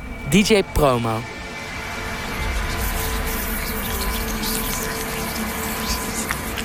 Nou, de plaat in, in mijn geval die veel gedraaid werd was uh, Shut Up. En dat was eigenlijk een soort van hardcore verbastering van het nummer uh, Don't Speak van No Doubt.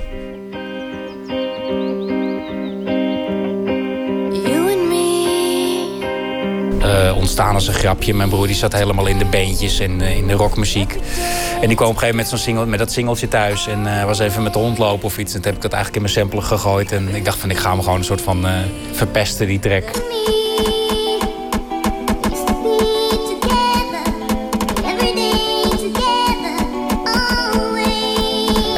Die avond, uh, dat was denk ik na een paar weken dat die plaat uitkwam, ging ik eigenlijk als, uh, ja, als jong producertje daarheen, meer nog als fan van de dansvloer. En ik kreeg voor het eerst kreeg ik uh, VIP-kaarten van IDT om dus ook backstage te mogen, waar ik dus de DJ's kon, kon ontmoeten. En, ja, en toen kwam, die, kwam mijn plaatje dus gewoon vijf, zes keer voorbij eigenlijk.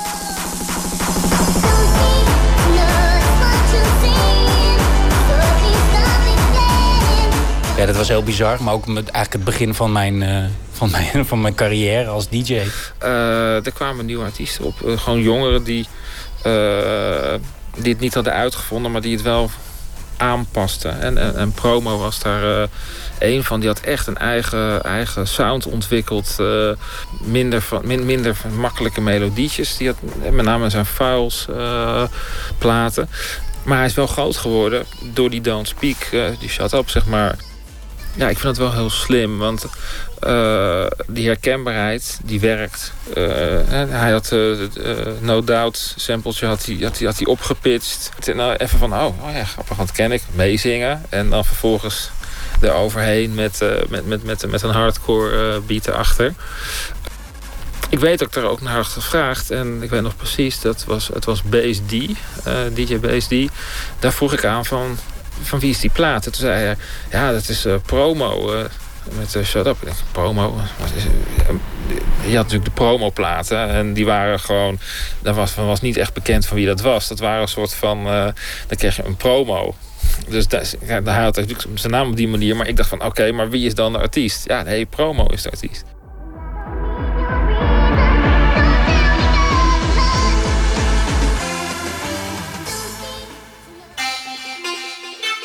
Die avond lost DJ Promo zijn leermeester DJ Weirdo af... die zijn laatste gig als professionele DJ draait. DJ Weirdo, Dennis Doeland, ja, dat was een, een, een DJ die bij IDT werkte. En uh, ook verantwoordelijk was voor de, voor de Tunnendam compilatie cd's. Uh, uh, ja, hij stelde die samen en je moest eigenlijk bij hem wel een wit voetje halen... wilde hij op die cd terechtkomen. Ja, ik ken hem al eigenlijk van voor die tijd van Bad Vibes. Had een platenzaak toen in Alkmaar. Ja, en op een gegeven moment zat ik vaker bij hem in de platenzaak dan dat ik op school was. Dat was alleen maar spijbelen om niet de nieuwste platen te missen die bij hem binnenkwamen. En uh, ja, op een gegeven moment begon hij dan ook al platen voor me apart te houden. En ook mijn eerste track die ik ooit gemaakt heb is ook op zijn label uitgekomen. Ik begon uh, tegen de 30 aan te, aan te lopen en ik dacht dat je als DJ niet oud kon worden. Eh, jonge mensen die, die willen gewoon jonge mensen zien draaien en niet, uh, en niet ouder. Ja, dat is een totale misvatting geweest. Als je nu kijkt uiteindelijk uh, hele ten wie er nog staat te draaien... en waar hele complete festivals nu voor georganiseerd worden... ja, kun je niet anders stellen dat die opvatting voor mij een totale misvatting was. Nou goed, dat was dus de laatste set. En waarom? Uh, Weirdo had een vrij belangrijke functie bij DNT. En hield ook wel van een feestje. En uh, was, was redelijk vaak aangeschoten op, op, op, een, uh, op een feest. Ja, en dat, dat kwam gewoon zijn werk niet ten goede. Kijk, je natuurlijk zaterdag en zondag... Zijn, zijn carrière werd, ging zo de lucht in en werd zo bekend als DJ... dat hij gewoon eigenlijk het hele weekend moest draaien. Vrijdag, zaterdag, zondag, ja. En dan kom je nog half beschonken, kom je maandagochtend op kantoor aan. Of niet.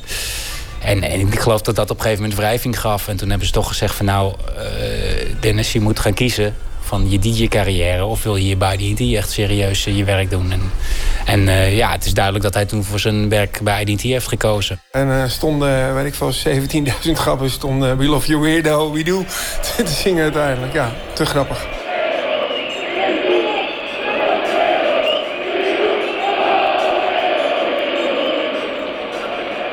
Dus het was wel heftig. En, en ja, we draaiden toen nog met vinyls. En het heeft hij aan het einde van zijn set heeft hij zijn hele. Ja, de platenkoffer die hij bij zich had, al die vinyls heeft hij het publiek ingezeild. Echt een soort van symbolisch afscheid van. Er is ook geen, geen weg terug, zeg maar. Nu, uh, nu ben ik klaar. Ja, je kan niet verstijven of stil, dus je, je doet het gewoon. Maar eh, ik merkte gewoon dat ik een soort, wel een soort bijna tranen ergens had. Mijn gezicht vertrok helemaal. Ik weet alleen de laatste plaat, Hardcore to the Bone. I'm hardcore to the bone, to the bone. I'm hardcore to the bone, to the bone. Dat, dat was hem ook, inderdaad, hardcore to the bone. Oftewel, de boodschap was daarachter uiteindelijk. Ik zal uh, uh, nooit de hardcore verlogenen.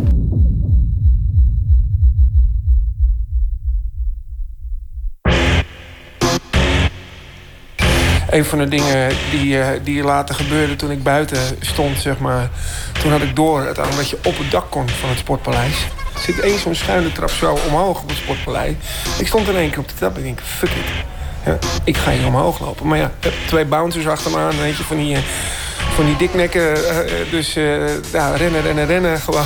En uiteindelijk stond ik helemaal boven als een soort Rocky. Zo met mijn handen omhoog. Maar ik vond het zo tof. Ik zo helemaal kon kijken over die hele, over die hele uh, het, het, sportpaleis heen. En over die ringweg. En ik dacht, vet man. Ik heb hier gewoon staan draaien. En ik heb ook nog op het dak gestaan. Dat is een mooie anekdote uiteindelijk. Een van mijn vrienden, die is regelmatig voor zijn werk in Antwerpen. En iedere keer als hij over de ring rijdt, uiteindelijk stiet hij bij een appje. Ja, met de foto van het sportpaleis. Hij zei, daar stond jij bovenop. Er was nog iets legendarisch uiteindelijk. Toen het helemaal afgelopen was en ik ging naar huis. We hadden vroeger uh, bij Identity, dat noemden we de Thunder Truck. Dat was een hele grote pick-up truck uh, in het geel. En omdat wij uh, die energy drink Thunder Taste hadden... was een van onze collega's en vriend Dennis Thompson, die deed daarin. Maar je kon achter in die bak staan. Dus terug naar het hotel. Ik beraad je het natuurlijk al uiteindelijk. Ik op die achterbak staan van die, van die Thunder Truck. En een beetje surfend zo over de ringweg heen uiteindelijk. En een hele kolonne, honderd auto's achter, achter ons aan. En ik moet allemaal grappers met toeteren en... Uh, tof! ik dacht later, oh jezus man, als ik hier gewoon uit was gevallen... uiteindelijk hadden er de meeste erge dingen gebeuren. Dus het was een, een dolleboel. Gabber is in Nederland de eerste vorm van elektronische muziek... die echt heel groot wordt. En dat is het begin van de professionele Nederlandse dance-industrie. Een jaar later gaat de Gabber-hype ten onder aan parodieën en hooligan-incidenten. Maar hardcore will never die. Vroeger, toen wij begonnen, had je nog geen verkeersregelaars. Er trok iemand gewoon een geel hesje aan en die deed maar wat. En dat was nog helemaal niet echt een, een, een beroep. En dat is langzaam is dat uitgegroeid tot een echt vak. En mensen vragen ook, zich ook altijd wel eens af... hoe kan het dat de kwaliteit van die festivals in Nederland zo hoog is? Ik zeg, ja, dat komt ook omdat wij ruim 25 jaar industrie hebben... wat mee is gegroeid met de ontwikkeling van die festivals. Weet je, de, de, de hekken in Nederland ja, zijn veel beter dan bijvoorbeeld... als je dat in het buitenland bestelt. Omdat bij ons gewoon mee is ontwikkeld. De, toiletten, de, de, vervoer, verkeer, alles wat daaromheen komt. Vraag je mij van, wat is het hoogtepunt alle tijden van de hardcore. Dan klinkt dat heel raar, maar dat ik vorig jaar had ik inderdaad iets uit 97 genoemd. Maar dan zou ik dit moment zeggen, 25 jaar toen dan vorig jaar.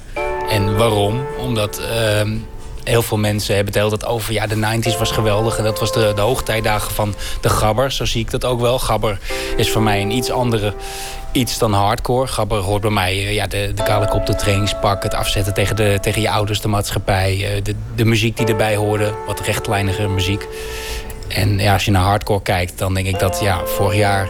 is eigenlijk het grootste hardcorefeest ooit geweest. Niet in 97 of 98, maar in 2017. En dat zie ik dan ook als de absolute piek. En ook uniek dat je eigenlijk 20 jaar na de hoogtijdagen... eigenlijk het grootste feest ooit geeft. Je luisterde naar de tweede aflevering van Rewind. De podcastserie over cruciale momenten in de Nederlandse dancegeschiedenis. Rewind is een samenwerking tussen 3 voor 12 en Nooit meer slapen. Het wordt gemaakt door Atze de Vriezen, Ralf Hermen Huiskamp en Tom Hofland. Voor zover Anne Moraal. In de volgende aflevering van Rewind gaat de Roxy in rook op. Dan duiken we in de dag dat de meest legendarische club van Nederland aan zijn einde kwam. U hoorde Rewind over Gabberhouse. Misschien wel de enige in Nederland uitgevonden muziekstroming die wereldwijd ging. Een stukje takkenherrie om trots op te zijn, zou je ook kunnen zeggen. Ik vertel nog iets over maandag. Dan gaat Pieter van der Wielen in gesprek met Nina Spijkers. Ze is een van de vaste regisseurs van toneelschuurproducties. Vorig jaar maakte ze haar eerste muziektheatervoorstelling over onze obsessie met geluk. Nu volgt er een nieuw stuk, Het Temmen van de Fakes, waarvoor ze Shakespeare's comedy als vertrekpunt neemt om te onderzoeken hoe bepalend genderrolpatronen zijn. Dat onder meer maandag. En straks kunt u luisteren naar De Nachtzuster van Omroep Max met Astrid de Jong. En ik wens u nog een goede nacht.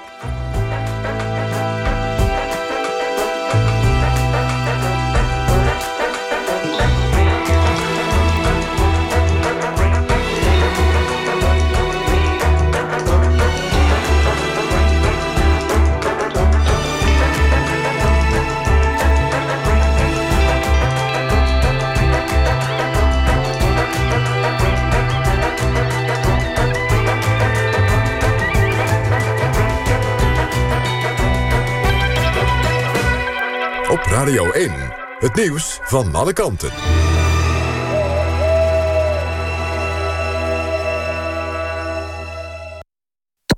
NPO Radio 1.